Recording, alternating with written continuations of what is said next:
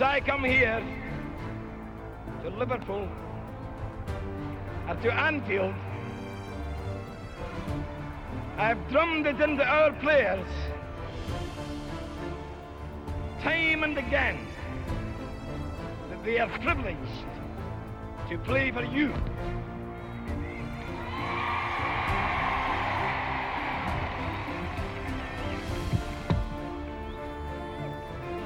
Didn't believe me, they believe me now.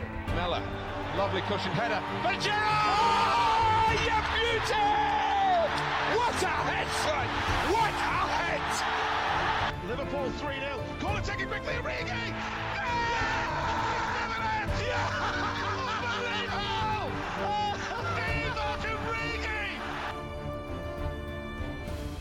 Välkomna tillbaka till LFC Stories podcast med mig, Christer Andersson. Idag har jag med mig ytterligare en gäst från Liverpool-redaktionen på svenskafans.com och det är William Heiskanen. Uttalar man ditt efternamn så? Är jag korrekt ute då? Hiekanen är det korrekta uttalet. Ja. ja, det är bra att du rättar. Hur är läget med dig? Ja, helt okej. Okay. Helt okej? Okay. Inte bättre än så? Är det för att Liverpool inte går så bra eller hur, hur tänker du? Eller att det är landslagsuppehåll kanske? MMO man mår ju som ens favoritlag går så är, är väl, man har väl haft bättre dagar men man ska inte klaga. Nej, vi får ändå försöka oss inse att det är en helg kvar med landslagsfotboll och sen är vi igång nästa helg igen. Så vi har ändå några dagar att ta igen oss på och försöka blicka framåt mot det som komma skall. Men jag tänker att vi kör lite en introduktion av dig innan vi berättar för lyssnarna vad det är för avsnitt vi kommer köra, vilket de antagligen kommer veta när vi har lagt ut det här senare. Men samtidigt så är det kul att ha med dig som en ny person i podden. Eh, vi har haft med några innan från redaktionen, men eh, vem är du och vad gör du på RS-redaktionen och ja, hur kom det sig att det blev Liverpool för dig?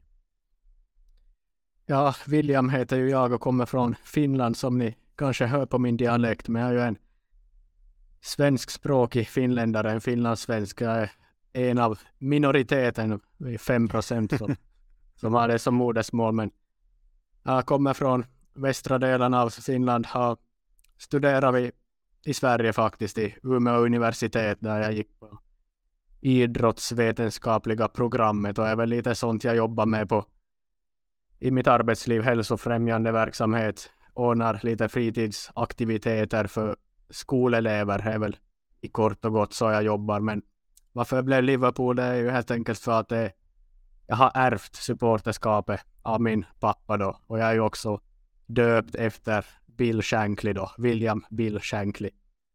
Ja, det ser man. Det är fint med sådana kopplingar. Jag, jag har en dotter som eh, heter Penny Lane, min äldsta dotter. Så det är också det här med Liverpool-kopplingen. Men då kan jag tänka mig att Sam Hyppie är en stor idol också då.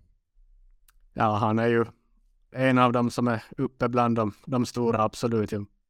Mm, och även Liverpools historia och han är väl också säkerligen en av eh, Finlands största idrottare genom tiderna. Jag är inte jättebra på finländska idrottare men jag tänker direkt fotboll, Jari Littmanen, Sami Hyppie, liksom. det är de som liksom direkt kommer upp på, på topplistan hos mig. Sen kanske jag har missat några, det finns några till säkerligen men det är väl de man tänker på först och främst kanske. Littmanen och Hypia är på en helt egen hylla om man kollar på finländska fotbollsspelare. Jo. Mm. Ja, jag förstår det. Vad är det du gör på Svenska fans då? Vad är det du har för uppdrag? Ja, Svenska fans, där började jag väl för två, två år och två månader sedan, alltså direkt i januari 2021. Och jag håller väl på med allt möjligt. Jag hjälper till med den vanliga matchbevakningen och sånt och rapporter, men min egen specialnisch är väl egentligen att skriva sådana lite speciella krönikor eller nostalgiska texter eller tillbakablickar och sånt. Olika typer av listor och sånt. Och, ja. Mm, nej, men det är lite som jag då. Jag är också någon som tycker om att kanske blicka bakåt eh, och prata om det nostalgiska eller göra de här typer av kanske mer, eh, ska inte säga djupgående texter, men de gånger jag har skrivit så tycker jag det är lite kul att behålla liksom eh, snacket eller läsningen runt ett visst ämne och kanske inte så mycket jämt matcher och statistik egentligen utan försöka gräva ner lite i någonting historiskt och trevligt som är kul och för andra att ta del av. Men eh, det gör ju att vi faktiskt direkt kommer in på eh, det här avsnittet. Eh, tidigare avsnitt så hyllade vi ju Mohamed Salah, eh, jag och Edvin på eh, Liverpool-redaktionen, men i det här avsnittet så ska du och jag faktiskt hylla Lukas Leiva och prata om honom, för det blir ju en hyllning. Eh, den 17 mars kom nyheten om att den brasilianske fotbollsspelaren och tidigare Liverpool-mittfältaren då, Lucas Leiva, tvingas ställa skorna på hyllan vid 36 års ålder på grund av ett hjärtproblem som upptäcktes vid en rutinkontroll hos Gremio, då, klubben han startade sin karriär hos och även den han nu avslutar sin karriär hos. Eh, och vi visste sedan tidigare att han fått pausa karriären Eh, för det här hjärtproblemet eh, och det upptäcktes ju efter tester och då var ingenting definitivt. Men så kom då alltså nyheten och beskedet att det tvingar honom att sluta sin fotbollskarriär. Eh, vad var din första reaktion när den nyheten kom? Det är ju såklart tråkigt och man är ju lite orolig när det nämns alltså ärrbildning i hjärtmuskeln och sånt. Alltså jag är ingen läkare, men man blir ju orolig när det handlar om hjärtat. Ja, absolut. Eh, och det är ju, alltså, man kan väl se det på två olika sätt nu. Eh, det känns som att det ändå har kommit fram eh, på vissa spelare i nutid att det har upptäckts hjärtproblem. Eh, fast de har spelat en hel fotbollskarriär liksom. Eh, sen vet man ju inte om det fanns ett hjärtproblem tidigare, om det alltid legat där, eller om det har uppstått senare såklart. Jag är heller ingen läkare, men det är ju också så här tur i oturen att ingenting eh, allvarligt har hänt tidigare och också att man faktiskt kan se de här typerna av problem också. Så att man får ju se det på ett sådant sätt att det är tur att ingenting hänt, men samtidigt är det ju sorgligt att det är någonting som tvingar eh, vissa eh, aktiva eh, idrottsmän att då få avsluta sina karriärer. Absolut. Jag tänker väl att vi kan gå in på lite eh, fakta kring Lukas Leiva bara, så hoppar vi vidare och diskuterar honom sen som spelare och person. Eh, Lukas Leiva är född den 9 januari 1987 i, i eh, Dourados i regionen Mato Grosso do Sul i Brasilien. Han började sin professionella fotbollskarriär i Gremio 2005 och 2006 blev han den yngste spelaren någonsin att få priset Bola de Oro, antar jag att man uttalar det som, eh, som ges till den bästa spelaren i den brasilianska ligan och som han då har vunnit så många stora profiler tidigare. 2007 köptes han av Liverpool Football Club för 5 miljoner pund och under sina tio år i klubben så utvecklades han från en box-to-box mittfältare till en defensiv mittfältare blev utsedd till årets spelare i klubben säsongen 10-11 och vann engelska ligacupen säsongen 11-12. Han spelade totalt 346 matcher för oss, gjorde 7 mål och 21 eh, assist. Eh, den 18 juli 2017 gick han vidare i karriären när han gick till Lazio för 5 miljoner pund. Eh, och det var ju lite fakta och lite statistik kring Lukas. Eh, men jag vet att du har lite inf information och statistik också som faktiskt är rätt så häpnadsväckande utifrån när man då började mäta grundligt statistik. Ja, han ligger väl faktiskt i Premier League mått mätt på andra plats över flest utförda tacklingar strax efter Gareth Barry. Men då har väl Lukas Leiva 400 matcher mindre spelade också så han är han har någonting på 900 tror jag och Gareth Barry är uppe på 1000 någonting så även om inte han har spelat lika länge i Premier League som Gareth Barry så är han uppe bland de som har gjort mest tacklingar någonsin. Mm, ja, och det är rätt så unikt när man tänker också på att det är ett tag sedan han spelade för oss och var i Premier League givetvis och sen då som du nämner Gareth Barry som såklart då kom fram ung i eh, Aston Villa och hade en lång karriär och har spelat eh, flest matcher i Premier League också om jag inte missminner mig helt nu. Det är väl han och Ryan Giggs, Frank Lampard och faktiskt James Milner som vi har diskuterat tidigare som ligger eh, som ligger på den där listan. Jag tror att James Milner, om han blir kvar hos oss, eh, jag tror det faktiskt att det kan vara så att han går om Frank Lampard redan den här säsongen eh, och blir han kvar hos oss så kommer han ju kanske kunna närma sig till och med Ryan Giggs eh, och nå uppåt också. Man vet aldrig.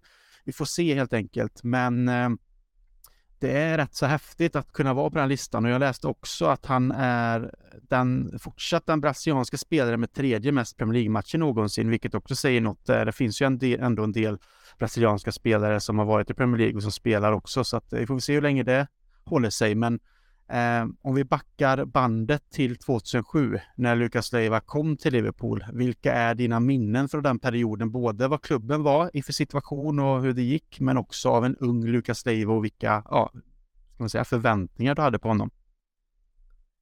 Sommaren 2007 hade vi ju spelat vår andra Champions League-final på två år. Benitez hade ju gjort underverk i Europa med oss och tagit oss till nya höjder. Men ska jag vara helt ärlig så Lucas Leiva, ung talang från Brasilien. Man minns inte så mycket vad han skulle bidra med för vi hade ju ett mittfält med Gerard, Alonso och Mascherano så man förväntade väl sig inte att han skulle gå in i lag utan man tänkte väl bara att det är någon, någon för framtiden och inte desto mer än så där. Men det var ju, jag läst på att han, han var ju kapten i Gremio redan som 20-åring innan han kom och spelade Copa Libertadores final som de förlorade mot Boca Juniors Och var han kapten för brassarnas U20-landslag som vann ja, U20 sydamerikanska mästerskapen också så han var ju han var ju en riktigt bra spelare han var väl mer en offensiv mittfältare förr men ja inte hade man väl allt för höga förväntningar på honom då han kom för man visste inte riktigt vem han var. Nej, jag är precis inne på samma spår som dig. Um, hur gammal är du William förresten? Jag är fortfarande 29 år. Två, om två månader passerar jag 30 strecket, men 29. Ja. ja, men då var du ändå, hur gammal var du då 2007? Jag som inte har med min matte i huvudet här nu precis.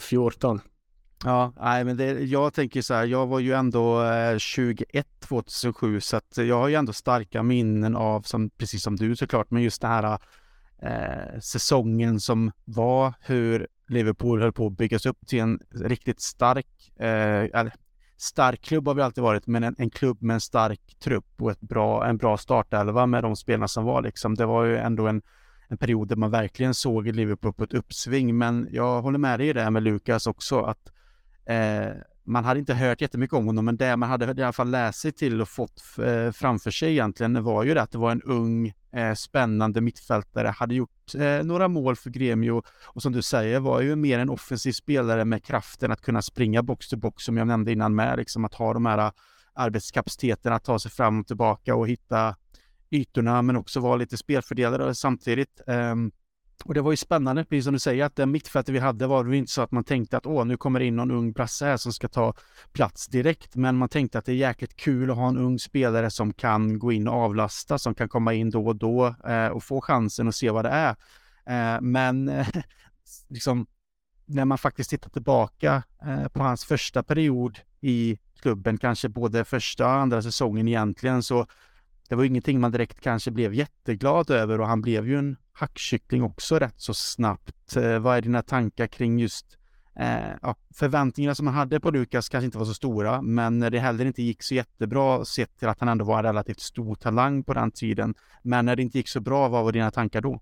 Nej, alltså han var ju Alltså så här i efterhand så minns man ju inte exakt, men det var väl faktiskt i en match som en del av publiken till och med buade ut honom efter att Liverpool hade ja, tappa poäng tror jag mot Fulham. Så det var ju som ingen lätt start han fick i klubben. Nej, eh, och det kan man ju också tycka och tänka vad man vill om. Jag är väl absolut inte ett fan av att man bör ut sina egna spelare oavsett klubb egentligen, men eh, jag har hört till exempel ett blått lag på inte så långt ifrån Anfield som brukar bua ut sina egna spelare de senaste säsongerna. här.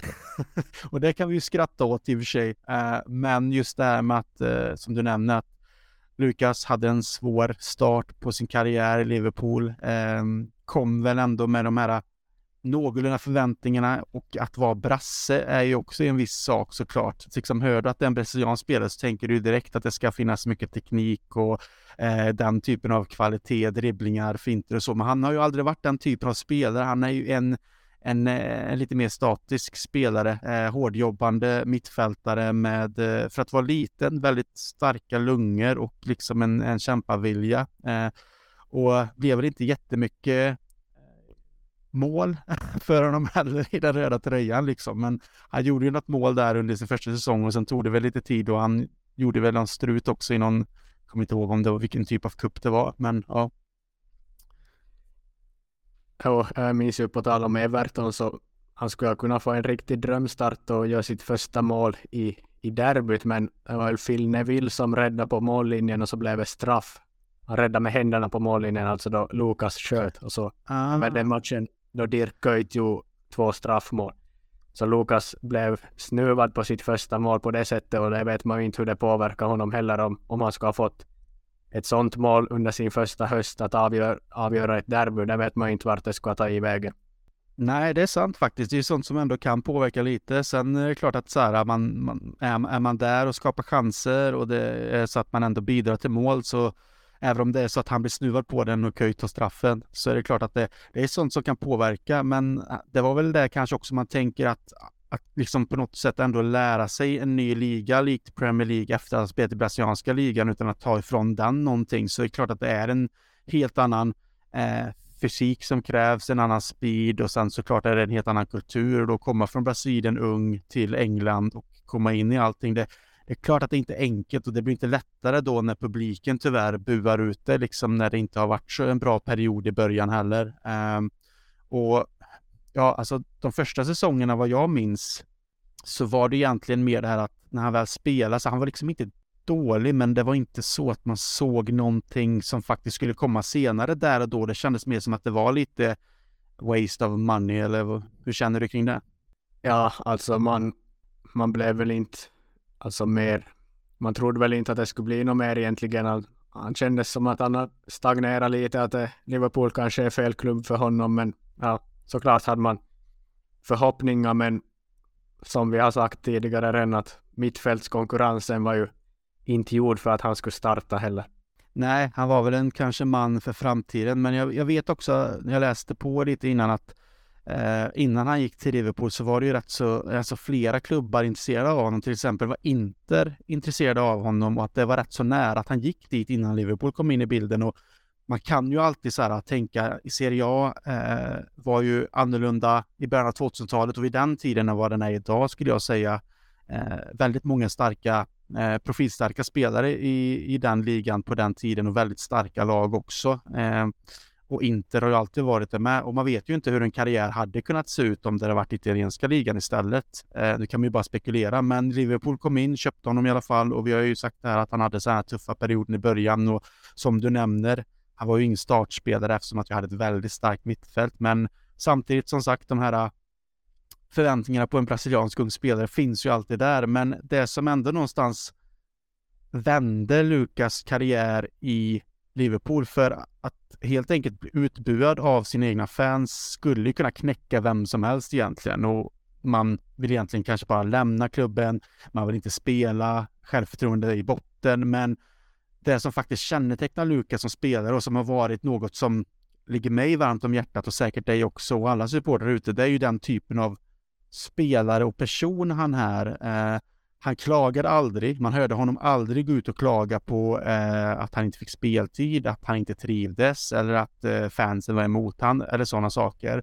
Han jobbade alltid hårt när han spelade eh, och han blev bättre med att jobba hårt och få utvecklas. Och han offrade sig alltid för laget. Det var ju alltid eh, laget före jaget som vi säger i Sverige. Jag vet inte om man gör det i, i Finland, men du förstår vad jag menar. att det var inte viktigt för honom att vara kanske bäst, utan det viktiga var att göra jobbet för laget och på det sättet eh, har han ju jobbat egentligen under hela sin karriär och det säger ju en del om hans karaktär också. Att stå emot alla de här motgångarna och ändå bevisa att han har pannbenet att lyckas ta sig över de här eh, mot, motstånden och, vi, och, vinna över fans och spelare och alla de och visa att han faktiskt kan vara med och, och spela för Liverpool.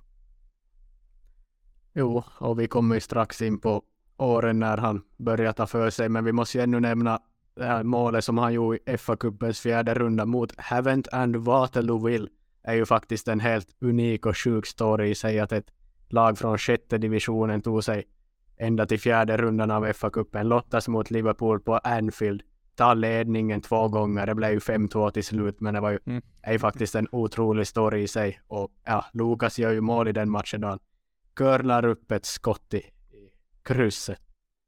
Mm, det är ett fantastiskt mål, så det kan man faktiskt eh, youtuba sig till säkert om man vill se det. Och det är väl, det är väl egentligen det enda han har väl kanske någon mer, jag, jag har inte riktigt koll på just målen nu, men det kommer jag ihåg. Och sen har han väl kanske något mer mål som är, sticker ut lite, men det är väl hans snyggaste Liverpool-tröjan, eller vad säger du? Jo, jag tror han bara gjorde sju mål eller något sånt och de flesta kom ju under de tre, fyra första åren är väl några i Europa League mot Benfica ett i alla fall ett skott och så gjorde han väl något nickmål i ligan också men i den här fa Cup-matchen han gör sitt snyggaste mål och han var ju ingen målskytt, absolut inte. Nej, det var han inte. Men det som också hände sen då under, efter den här tuffa starten och att han bara egentligen jobbade, bara ner huvudet och körde på och skulle visa alla att han ändå var värd liksom och hade nivån också att spela i i Liverpool, eh, det är ju att han, han går från att vara den här eh, inköpta offensiva mittfältaren från början som, eh, som liksom då skulle kunna spela box till box eh, till att istället bli mer och mer defensiv och på något sätt liksom bryta motståndarnas eh, spel. Och det var ju någonting som passade honom hos, liksom i Liverpool och det sättet vi spelade och han växte ju in i den rollen mer och mer också. Så vad känner du liksom så här att det är jäkligt kul att en spelare som anses vara offensiv och har de kvaliteterna faktiskt sen bevisar sig vara en otroligt skicklig defensiv spelare. Det var ju helt avgörande för hans karriär att han fick rollen som defensiv mittfältare och ju här efter de här två första säsongerna som han började alltså bli bra på riktigt och alltså 2009-10 Benites sista säsong det går ju dåligt för laget men Lukas är ju en av dem som som gör det bra. Och sen 2010-11, en av de allra sämsta säsongerna vi någonsin har upplevt. Alltså Hodgson och Kenny kommer in och det var helt kaos i klubben. Ägarbyte och den säsongen, en av de mörkaste säsongerna av alla. Men Lukas Leiva är en av få ljusglimtar och han vinner ju pris som säsongens spelare där. Så är ju är lite synd för Lukas också att hans bästa höjd och glansdagar i Liverpool-tröjan inföll när vi var som sämst. Men han var jättebra där och då. Mm. Det här minns jag väldigt starkt eftersom att jag, jag bodde i England då, eh, när det var den här kaosperioden. Eh, jag kommer ihåg att eh, jag var i, i huset och i mitt rum där jag bodde i Stoke-on-Trent och följde eh, just den här soppan med ägarbytet precis och vad som skulle hända med Liverpool. För det höll ju på ändå att rapporteras i omgångar och sen i slutet i flera dagar där eftersom att det var så nära egentligen att vi skulle gå in i administration och de här grejerna. Så att eh, den perioden var ju jäkligt stressig som supporter oavsett såklart om man som jag bodde i England eller var man än var. Det spelar ingen roll, men just jag kommer ihåg det så starkt eftersom att man åkte på alla matcher och känslan bland fansen på puben eh, inför och efter matchen. Man märkte att det liksom vi var inte på en bra plats, osäkerheten för framtiden, vad skulle hända? Eh, vad var det för risker? Skulle vi kunna bli det här som många pratar om, det här nya Leeds som liksom då nästan eh, tvångsnedflyttas på grund av den eh, ekonomiska skulden och alla de här problemen. Så det, det, var väldigt nervöst tills eh, FSG faktiskt löste det åt oss där och då. Det känns som att det, fasen, det är många år sedan nu, men Eh, det var en turbulent period. Eh, Hodgson var absolut ett jäkla... alltså, man kan ha respekt för vad han gjort inom fotbollen såklart. Eh, I uppdrag i Sverige, engelska landslaget och annat såklart. Men i Liverpool passade han aldrig in. Han kunde inte riktigt ta till sig klubben på det sättet som klubben är förankrad i staden och med folket. Eh, och laget var ju absolut inte sexigt på något sätt. Men likt du säger att Lukas var ändå en av de spelarna som lyckades hålla nivå, som visade vilja, kämpaglöd och på något sätt där och då, som vi tidigare nämnde, där är väl vändpunkten kanske i hans Liverpool-karriär, det här med att eh, mer och mer fans börjar eh, få upp ögonen för honom, börjar liksom ja, istället för att ha varit emot honom så börjar man vara med honom och insåg att liksom det här är en spelare som någonstans fansen och alla runt omkring började respektera mer och mer för de kvaliteter han faktiskt hade.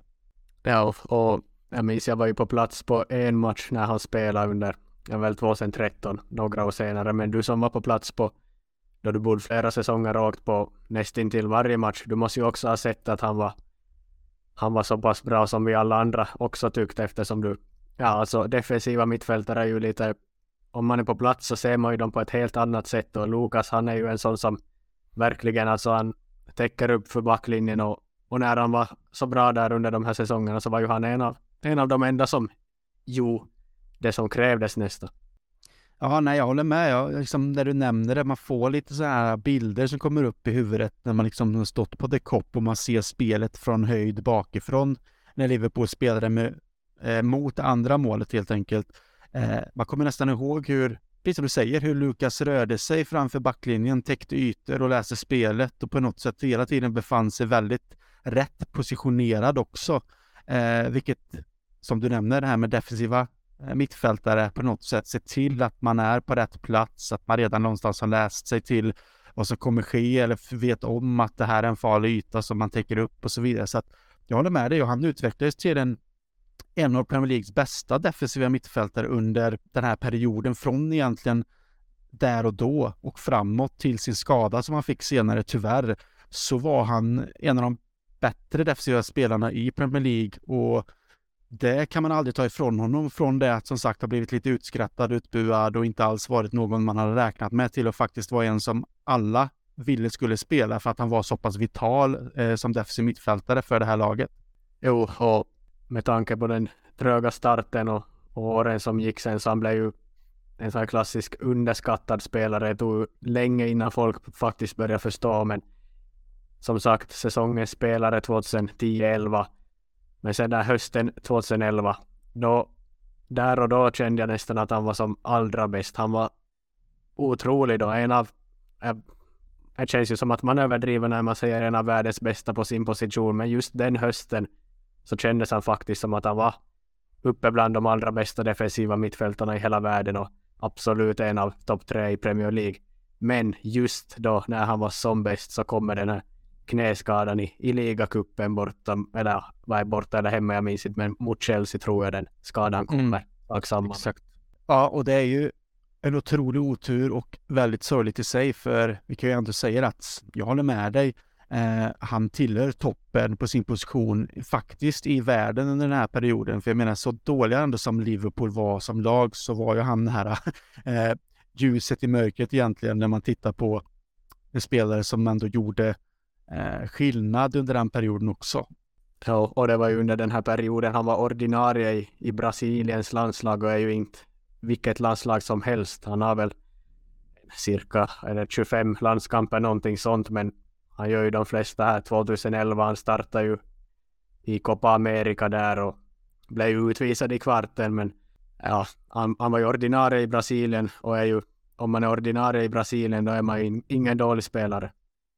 Nej, absolut inte. Och tittar vi tillbaks på eh, laget som var då, eh, runt 10-talet där och 11, liksom 11, liksom 2010, 2011, 2012, så det är inget dåligt lag eh, man har då heller liksom. Det finns ju fortfarande riktigt starka profiler kvar och många unga talanger som var på väg upp också, så att, att vara ordinarie i Brasiliens landslag under den perioden är, eller någon period, är ju aldrig dåligt. Då har man ändå bevisat någonting och jag, jag tänker vi kan ju också nämna det att Lukas har ju ändå spelat under Benites, eh, Roy Hodgson då, även om det var en kortare period. Eh, Kenny Dalglish när han kom in och styrde skeppet rätt. Eh, Brendan Rodgers och Klopp och alla managers har ju spelat honom, använt honom, aldrig liksom skuffat undan honom och liksom att nej, din tid är förbi, du får sätta dig på bänken, utan alla har faktiskt spelat honom. Sen att det har funnits trupper som inte har varit kanske tillräckligt bra, där du någonstans ändå vet att du, du måste spela honom, men känslan och det man någonstans har läst sig till är att han har varit uppskattad av alla managers just för sitt professionella arbete och att aldrig klaga utan och kämpa på.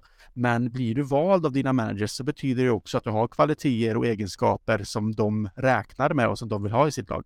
Ja, och mot slutet av hans tid i Liverpool blev han ju alltså han var ju kapten i, i andras frånvaro från och till och han hade ju bra ledaregenskaper på sidan av plan också, var en omtyckt lagkamrat och som en, en bra spelare att lita på. Även om Klopp förespråkar en annan fotboll kanske så han gav ju Lukas förtroende och han bytte till och med position under sina sista år. Han gick ju ner och spelade mittback och han gjorde faktiskt bra, alltså oftast väldigt bra, fast han aldrig hade spelat på den positionen för han var ju mer en offensiv mittfältare, men sen så Liverpool sista tiden var ju mittback. Ja, och för att vara en relativt liten spelare och kort spelare så handlar det återigen om det här att kunna läsa spelet, liksom positionera sig rätt.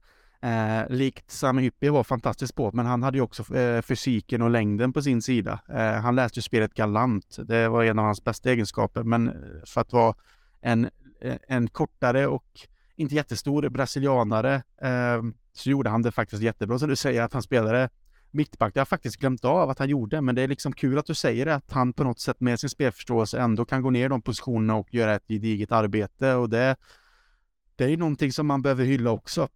Men om vi liksom på något sätt eh, just här och nu summerar liksom Lucas Leiva i Liverpool-tröjan. Han som jag sa, han, han fick mycket kritik under sin första period och han spelade i Liverpool i tio år och gjorde alla de här ja, 347 matcherna som jag nämnde också. Det är ett väldigt stort antal matcher. Det är inte alla spelare som får göra det och det är ju också ett tecken på att spelar du så många matcher och är så lång tid i en klubb så är du uppskattad och du har kvaliteter som såklart då uppskattas av man eh, managers och av medspelare med. Men jag tycker också, du nämnde innan det här med att man var på plats. Han fick ju även en egen sång på The Cop såklart. Det är inte alla spelare som får det heller, även om vi är väldigt duktiga och kreativa på att hitta på sånger till våra spelare så är det inte alla som får hyllningarna på det sättet. Det fick han och jag tror också genom att vara den personen och ha den kämpaglöden och viljan som han hade så vann han över också respekten från spelare eh, både i, lag, i sitt egna lag såklart, Liverpool, men också motståndarna.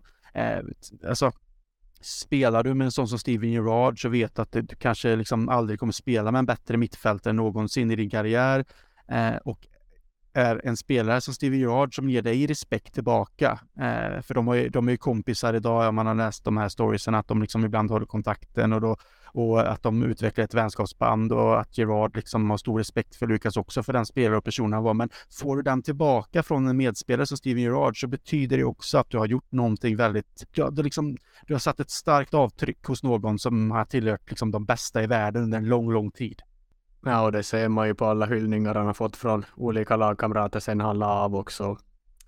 Och jag minns ju, det var en säsong, jag tror det var Gerards sista säsong då vi var riktigt dåliga. Då fanns det någon sån statistik som pekar på att när Lukas inte spelade, då tappade Liverpool poäng och tvärtom när han var på plan så, så tog vi mer poäng och, och är många som ofta, alltså som är alltid kritiska, så brukar ju alltid kalla honom för en sån här tråkig spelare, sån här sidledsdanne som man brukar säga i Sverige. Men när man kollar på honom så är ju faktiskt många offensiva passningar sådana som slår ut lagdelar och, och genomskärare och sånt är inte, absolut inte bara hemåtpassningar utan han utvecklar ju också passningsspelet hela tiden och såklart han slår bort någon boll nu och då när man tar risker men då är det ju ofta så att folk påpekar att men fan vad dålig han är, men då kollar man ju inte på vad han egentligen gör och statistiskt så låg han ju väldigt högt upp på passningsprocent också.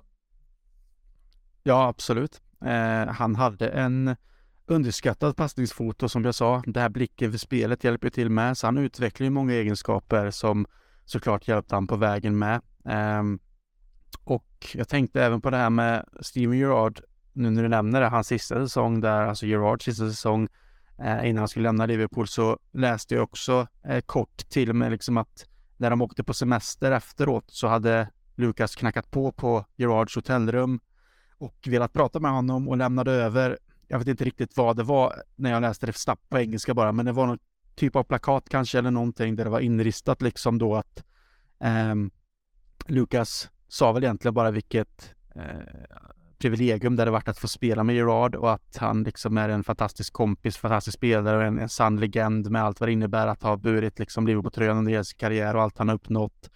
Eh, och, och, allt det här liksom. Eh, och i Gerards bok då så hade det varit liksom att han hade uppskattat det här jättemycket och varit nära till gråt redan där och då, men hade väl någonstans kanske hållit sig eh, och kramat Lukas och tackat. Men sen när Lukas hade lämnat rummet så hade han ju alltså enligt Gerard själv då hade ju liksom tårarna bara flödat på honom och eh, det säger också någonting, den här personen som Lukas är, att eh, uppskatta eh, och hylla en sån som Gerard när han lämnar Liverpool. Men när man också då, som jag nämnde innan, hör det här att Gerard tillbaka då liksom ändå tänker att ja, det där liksom, det där är en kille som är, är speciell och det är viktigt att ha dem i lagen med. Och du nämnde det här med att eh, många kan vara kritiska kring det här med att, som sagt, sidledsdanne spelare kanske inte uppskattas jättemycket, känns lite tråkigt. Men eh, det är ju många som Eh, är kritiska mot eh, Jordan Henderson idag, trots att han har vunnit allt man kan och så vidare. Men det finns ju viss statistik som påvisar också att vi tar mer poäng med honom på planen än utan honom på planen. Och då kan man ju säga vad man vill om man, man tycker att han är för gammal nu eller att han har tappat det han hade innan eller vad som helst. Men eh, även den här säsongen har det faktiskt visat sig att, fler, att det är fler poäng med honom på planen än utan. Så att ibland får man inte underskatta vikten av att har den typen av spelare liksom, som gör ett grovjobb och som ibland kanske passar enkla passningar i sidled eh, eller liksom bara lämnar över på något sätt som behåller bollen inom laget och hittar nya vägar. Det kanske inte är det roligaste man, som man vill se, men det är fotboll liksom. Det är ett spel, det är taktik. Man måste liksom hela tiden ha i tanken att det finns en roll för de här spelarna och det är ju en manager som på något sätt ändå väljer den här typen av spelare och vet vad de får av dem och, och litar på dem att de ska utföra det här jobbet. Så en sån som Lukas får man ju absolut inte glömma hur viktig han var i de här upplagen av Liverpool. Som du sa, när vi inte var jättebra under senare delen av hans karriär i, i klubben. Men att ändå vara den ljuspunkten då var ju någonting som man ändå kan komma ihåg väldigt länge och som man kommer liksom också eh, fortsätta att tänka att kring Lukas att han är, var den här viktiga spelaren för Liverpool som ingen egentligen trodde från början. Jo, och som du sa att ja, han är ju en bra lagkamrat och alltid varit. Det finns ju ett klassiskt YouTube-klipp när han och Henderson går runt som utklädda försäljare i Liverpool-shoppen och skämtar med kunder. Det, ju, det visar ju bara hur, hur rolig han är på sidan om också. Så finns det ju ja, han, han väl en gång kastade in en flaska på plan och så minns jag Klopp brast ju ut i, i skratt när han gjorde ett, alltså när Lukas gjorde ett riktigt dåligt försök, alltså skottförsök från avstånd för det skämtades väl om honom att han aldrig gör mål och han skrattar ju själv och Klopp skrattar också, kanske du minns? Ja, det finns det här klippet. Ja, precis. Han får väl en boll, sidledsboll och kommer väl någonstans lite strax utanför straffområdet och ska avlossa, eller lite längre ut kanske den avlossa och man tänker att det här är ju perfekt för en spelare med ett skott och så kommer Lukas i position och känner nu jävlar ska jag dundra in den och så blir det ett tafatt försök och bollen rullar ut över kortlinjen nästan, alltså nästan, ja, den knappt rullar ut för fan. Det är liksom inte ens kraft i det där skottet och Klopp skrattar. Ja, det minns man och det är roligt är ju att som, en sån som spelar som Lukas också bara ler åt det. Alltså, han vet om att det inte är hans starka sida och att han i alla fall, det var ett gott försök. sen, sen vill jag även ta upp det här med liksom att han, han själv är ju väldigt mån om att efter sina tio år i Liverpool också det här med att hans barn är liksom scousers. han själv är en Brazilian scouser som han har skrivit också och att han alltid kommer att eh, identifiera sig som det på något sätt. Och vi har ju de här eh, klippen också med Unlucky som han har liksom blivit stor och viral på sociala medier för också som det finns många som kör just den typen av grejer när det händer saker, särskilt mycket sen det handlar om Everton men även United också. Så att han är ju inte bara sagt ihågkommen för det han gjorde på fotbollsplanen för Liverpool och den spelaren han utvecklades och blev för oss, utan han är ju faktiskt också ihågkommen för, så precis som du nämnde, att han, han gör saker för folket och han bryr sig om eh, samhället i Liverpool, eller brydde sig om det under hela sin tid. Eh, och det var ju också någonting som såklart värmde folkets hjärtan och som var lättare att ta, ta till sig honom med, för man märkte att han, han, han är en av oss helt enkelt. Det är ju så snacket går i Liverpool. Ja, och så minns jag ännu en grej om hans tid 2012 när Brendan Rodgers kom in. Du minns kanske den här dokumentärserien Being Liverpool. I ett avsnitt så, jag minns inte om det är inför säsongen eller inför någon match. Brendan Rodgers pekar ut Lukas Leiva inför hela laget och säger att gör det här för han. Den här killen har kämpat i nästan ett helt år, långtidsskadad. Han är tillbaka nu. Nu vill jag att ni står upp för honom och det visar väl bara att man pekar ut Lukas bland hela laget hur, hur viktig han var och hur, ja, hur man såg på honom där och då. Mm. Nej, men jag tror att det kommer väldigt mycket från att, som vi har nämnt hela tiden egentligen nu, det här med motgångarna i början. Eh, att bli utbuad av sina egna supportrar, som sagt, och det är jäkligt sorgligt eh, såklart. Men att sen vinna över alla genom att bara arbeta hårt och sätta exempel, vara professionell, borra ner huvudet och liksom inte ge upp och sen då utvecklas och bli den här äh, nyckelspelaren som han blev. Det, det är ju en, en jävligt fin story i sig och jag tror att det är det som gör också att han har så stor respekt som till exempel det där du nämner med Roger som pekar ut att nu har han varit skadad länge, han är tillbaka, nu vill jag att ni alla liksom kämpar och gör rätt för er för honom för att han har liksom hållit på här nu och slitit och svettats för att hitta tillbaka. Eh, då vill han liksom se att alla kämpar och ingen som liksom går på halvfart. Och det, det säger också någonting om att han vet att karaktären Lukas Leiva eh, ger alltid 100 procent. Ja, absolut. Minns du förresten när och var han gjorde sitt sista mål för klubben? Det hade ju gått nästan 6-7 år från sitt senaste mål till sitt sista mål. Minns du när han gjorde? Nej, det är faktiskt blankt nu så du får, eh, du får berätta. A Wednesday night in Plymouth på Home Park, FA Cup omspel. Så nickade han in en hörna och är väl inte vilken plats som helst att göra mål på.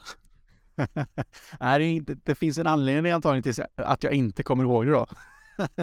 Även om man säkert satt och jublade där och då så är det ingenting som kanske läggs på minnet att eh, Leiva gjorde mål eh, i FA-cupen borta mot, vad sa du, Plymouth, var det det? Uh, ja, nej, det, men det, det är också fint. Han, han, kom, han, han stack ju ut i de där matcherna, så kanske inte var de bästa motståndarna, men det var ju då han fick chansen och så gjorde han de här målen som vi nämnde innan. Han curlade upp en i krysset och allt det här. Uh, ja, men jag tänker också, det kom ju sen en, en, en, en tid när han lämnade Liverpool, uh, när det blev klart att han skulle gå till Lazio 2017 på sommaren där.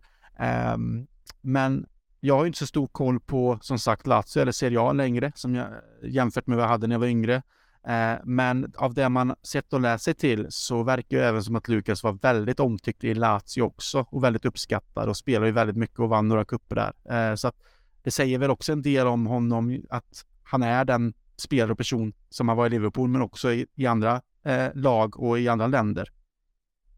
Ja, jag kan ju säga så här att jag kollar ju jättemycket också på italiensk fotboll och följer den lika mycket också. Han var bra. Han var alltså nästan bättre än i Liverpool. I alla fall två första, tre första säsongerna. Han gjorde fem säsonger i Lazio, nästan 200 matcher och han var ju en av de viktigaste spelarna. Och det var ju lägre tempo i Italien och det passade honom utmärkt. Han, alltså, han blev ju framröstad till säsongens spelare två gånger, men det var ju vi Liverpool-fans som var inne och, röstade på Twitter, på Lazios Twitterkonto där. Det är väl inte så att vi kan väl inte säga att han var bättre än Immobile eller Sergej Milinkovic Savic, men han var viktig och riktigt bra för Lazio.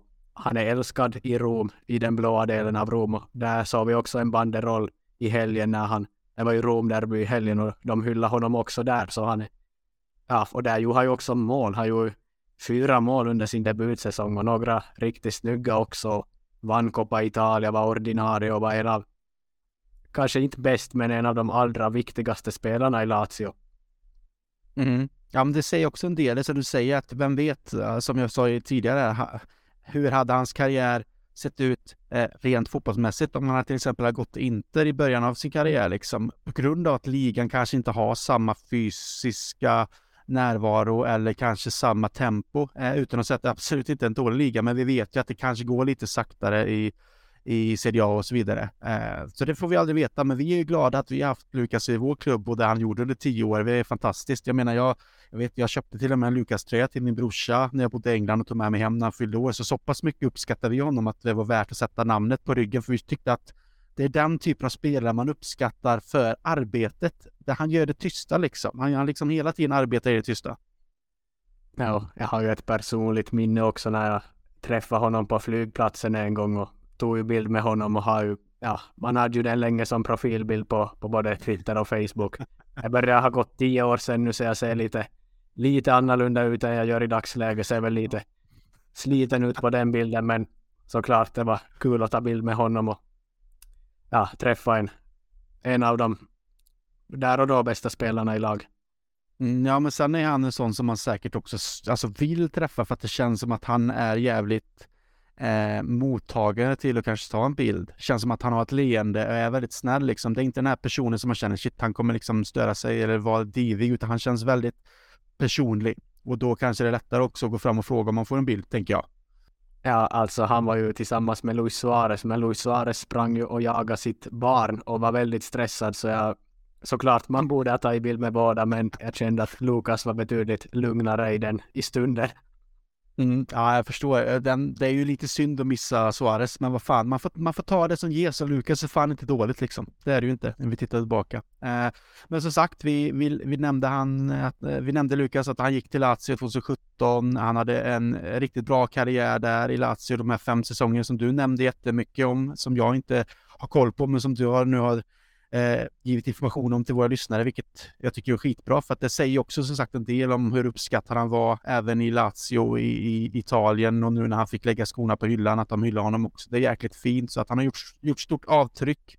Inte bara hos oss utan även i Lazio och såklart i Gremio sen som han gick till efter sin Lazio-karriär som är hans barndomsklubb att få komma hem någonstans och sluta cirkeln han hade antagligen inte lagt skorna på hyllan än om han inte hade blivit tvingad till det på grund av hjärtproblemet. Han kanske hade spelat några år till. Han eh, ser ju ändå ut att ha han har aldrig haft snabbheten, men det ser ändå ut som att han har liksom en ungdom och en fysik i sig trots att han då är sina 36-37 liksom.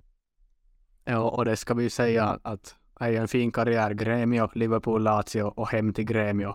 Och han gick ju till Gremio, alltså Gremio är ju en, en jätte från Porto Alegre i Brasilien, är ju de och International där. Det är väl Allisons klubb där, men de är ju fienderna där i stan. Men Gremio, en, en, en gigant i Brasilien också, och han gick dit när de låg i andra divisionen.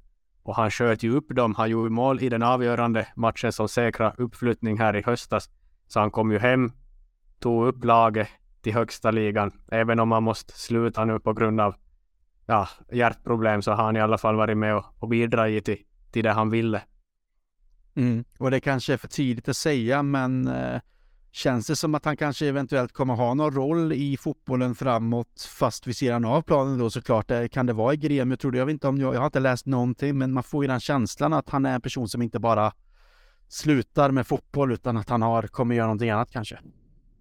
Ja, det kan bra hända och han är ju återförenad med Luis Suarez där. Suarez som för övrigt gör succé där i, i Gremio. Men jo, han, de hyllade ju honom också i helgen. Alla hade ju hans namn på tröjan och Suarez gjorde mål och drog, drog fram en t-shirt med någon, någon hyllningstext också. Men ja, jag vet inte om han kommer ja, vara involverad i fotbollen. Jag tror han tar en paus här i början, men hans privatliv, han verkar ju inte vara någon problematisk person. Han hänger mycket med familjen och man ser han lägger upp videon där han är ute med sina eller sin familjs hästar och sånt. De har väl något mm. någon ranch där i Brasilien. Så jag tror att han kommer ta det lugnt nu här inledningsvis. Men det är väl inte omöjligt att han på något sätt kommer vara involverad i, i fotboll framöver. Han har ju haft många tränare som du sa och fått förtroende av många tränare och spelar i både Premier League och Serie A och brasilianska landslaget så han har ju mycket fotboll i sig att dela med sig så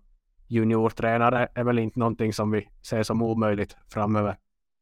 Nej, och vem vet, vi kanske vill bara ha tillbaka han till Liverpool i någon roll. Hans son är ju liksom Liverpool-supporter och som han har sagt själv, de är ju födda och uppvuxna i Liverpool så de är kanske mer scouser än något annat. Så varför inte ta tillbaka Lukas och få lite sköna grejer på, eh, liksom på Twitter och lägga ut igen med Unlucky och lite andra grejer. Men skämt åsido, eh, hoppas att det här hjärtproblemet är någonting som inte påverkar honom nu när han då såklart lägger av rent fysiskt med fotbollen, eh, men att han kan fortsätta leva ett normalt liv utan eh, problematik och, och, större risker.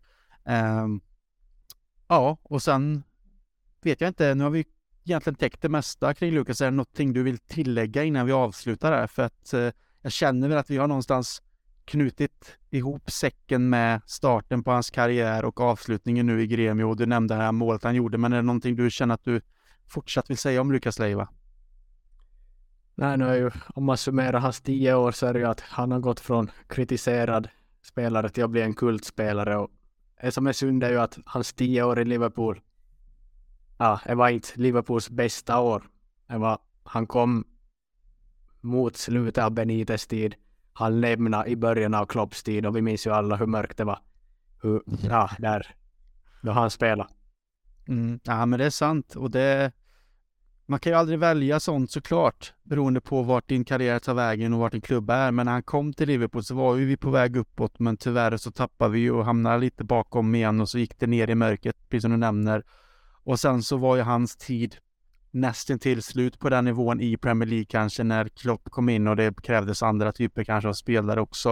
Eh, med det sagt såklart fortfarande uppskattad och han valde att gå vidare. Men jag kommer i alla fall alltid se Lukas som en, en, en, en typ av Liverpool-legend. Jag vet att man kan kasta sig med det ordet väldigt lätt och en legend kanske krävs mer, men på det sättet som han tog sig an sin uppgift, tog, sig, tog till sig staden, folket och på sättet som han alltid har någonstans representerat klubben och aldrig, som jag sa, klagat eller varit en problematisk person eller gått ut i media och tyckt och tänkt utan bara jobbat på och sen på det sättet bevisat sig för både supporter och medspelare att han var en kvalitetsspelare.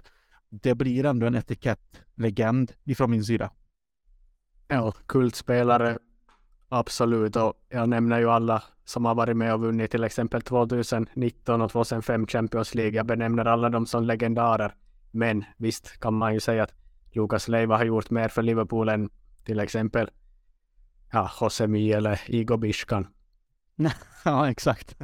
två, två härliga profiler ändå på sina sätt, men absolut, det är rätt så stor skillnad på en Lukas Leiva såklart, än en Igor Biskan, trots att han eh, var med och vann Champions League såklart och hade sin lilla roll där också. Men ja, om vi inte har någonting mer att säga egentligen så har du någonting att tillägga? Jag tänkte här avslutningsvis, ett litet quiz eller en utmaning åt dig. Oj. Hur, ja, vi har nio brasilianska spelare som har spelat för Liverpool. Tio om man räknar med alla som har tillhört klubben. Marcelo Pitaluga, han är reservmålvakten. Han, är ju, han har inte spelat någon match. Men det finns nio brasilianska spelare som har representerat Liverpool och Lucas är ju en av dem då. Men kan du nämna de åtta andra? Oh, jag kan börja med Alisson då, det är ju en. Uh, Aurelio är en. Uh, uh, Cavalieri heter han det, också målvakt. Jag vet inte om jag uttalar namnet rätt för jag kommer inte ihåg riktigt men det är väl någonting sånt där. Ja. Då, är det, då är det tre och så är det fyra med Lukas då så jag får med den. Uh, Coutinho såklart. Oh, nu, nu börjar man ändå känna så här, fasen. Så nu har, då, då har jag fyra, tre eller fyra kvar. Ska vi se. Uh, ja du. Hur många är kvar? Tre eller fyra? Uh, visst är det så att du har sagt Aurelio, Lucas, Coutinho, Diego Cavalieri och Alisson? Ja.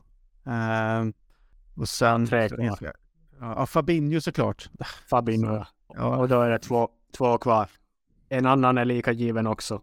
Hur, ah, Bobby Firmino såklart. Det är helt sjukt, man börjar tänka så tillbaks i tiden så man tänker inte nutid, som vilka som faktiskt är, då är det en kvar då. Ja, ah, ah, nu, nu är det två kvar då. Ja, nu är det två kvar. Ja, du ser, jag har inte koll. Eh, är, är, det, är det relativt nutid eller tillbaka? Behöver lite... En är jättenutid och en är tio år tillbaks i tiden. Hur kan man vara så här seg i huvudet med nutid? För nu känns det som att jag har sagt alla. Så sitter vi på någon som alla bara kommer, han är ju jättetrög, han har ingen koll alls. Han, jag kan nämna så här, han som är i nutid, han har spelat den här säsongen men han har bara gjort en enda match. Vad är det till? Du får hjälpa Arthur. Arthur. Ja, såklart. Det, ja, och det, det får jag någonstans, det får jag faktiskt, det hoppas jag att folk har full förståelse för att jag inte tar. För det har jag Alltså, man vet ju om att han är brasilianare, men man tänker ju inte på att han ens har varit i Liverpool, tyvärr, på ett sätt. Och sen var det en som var tio år tillbaka, sa du? Vill du ha någon ledtråd? Uh, ja, vad fasen. Precis i slutet av min tid när jag bodde där ungefär. Ja, du får ge mig en liten ledtråd då. Samma position som Diego Cavalieri som du nämnde. Ja, eh, målvakt.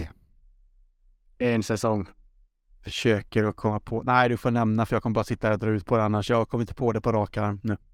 Doni. Ja, såklart från Roma.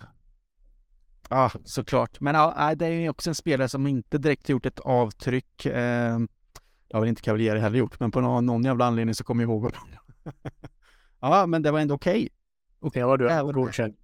Även om jag skäms lite på att man inte sätter Fabinho och Firmino direkt. Men helt plötsligt börjar hjärnan snurra och man tänker liksom, man kopplar ihop med tidigare. Det är så självklart så att man nästan som klart blir blind för det istället. Men de borde vara nio stycken som har spelat en match i alla fall. Ja, nej, men det ser man. Som sagt, det kan man försöka att spetsa sina kunskaper lite mer framöver. Det är kul med lite sådana där quiz också. Jag får se om jag kan ordna något sånt till något annat eh, avsnitt där vi kanske spelar in tillsammans framöver. Får vi se helt enkelt. Men eh, ja, med, med det sagt så är det väl egentligen dags att avrunda det här och all kärlek till Lukas Leiva, säger jag helt enkelt. Eh, det är så vi ser på det. En, ett hyllningsavsnitt till vår kära Lukas som som sagt fick lägga skorna på hyllan på grund av ett upptäckt hjärtproblem och vi får se vad han tar sig för i framtiden helt enkelt. Och eh, jag vill säga tack William för att du vill vara med eh, första gången i RFC Stories podcast. Du är jättevälkommen att vara med igen eh, när det dyker upp något ämne som du tycker är kul att prata om. Vi har diskuterat lite, men vi behöver inte avslöja någonting så får vi se vad det blir framöver helt enkelt. Så det var kul att ha dig med. Ja, men tack själv, det var kul att snacka Lukas.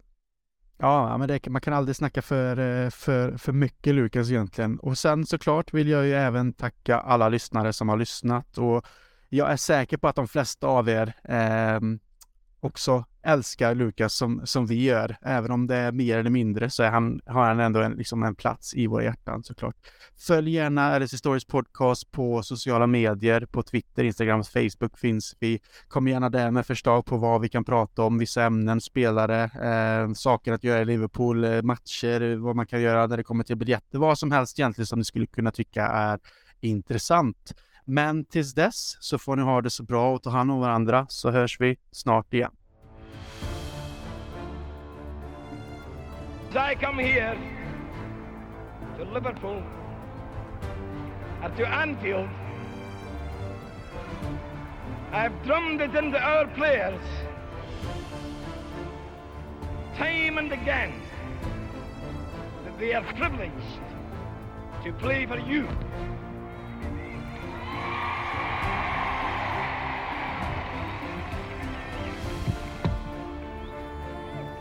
And if they didn't believe me, they believe me now. Mella, lovely cushion header. For Gerrard! You beauty! What a head! What a head! Liverpool 3 0. Call it, take it quickly, Origi!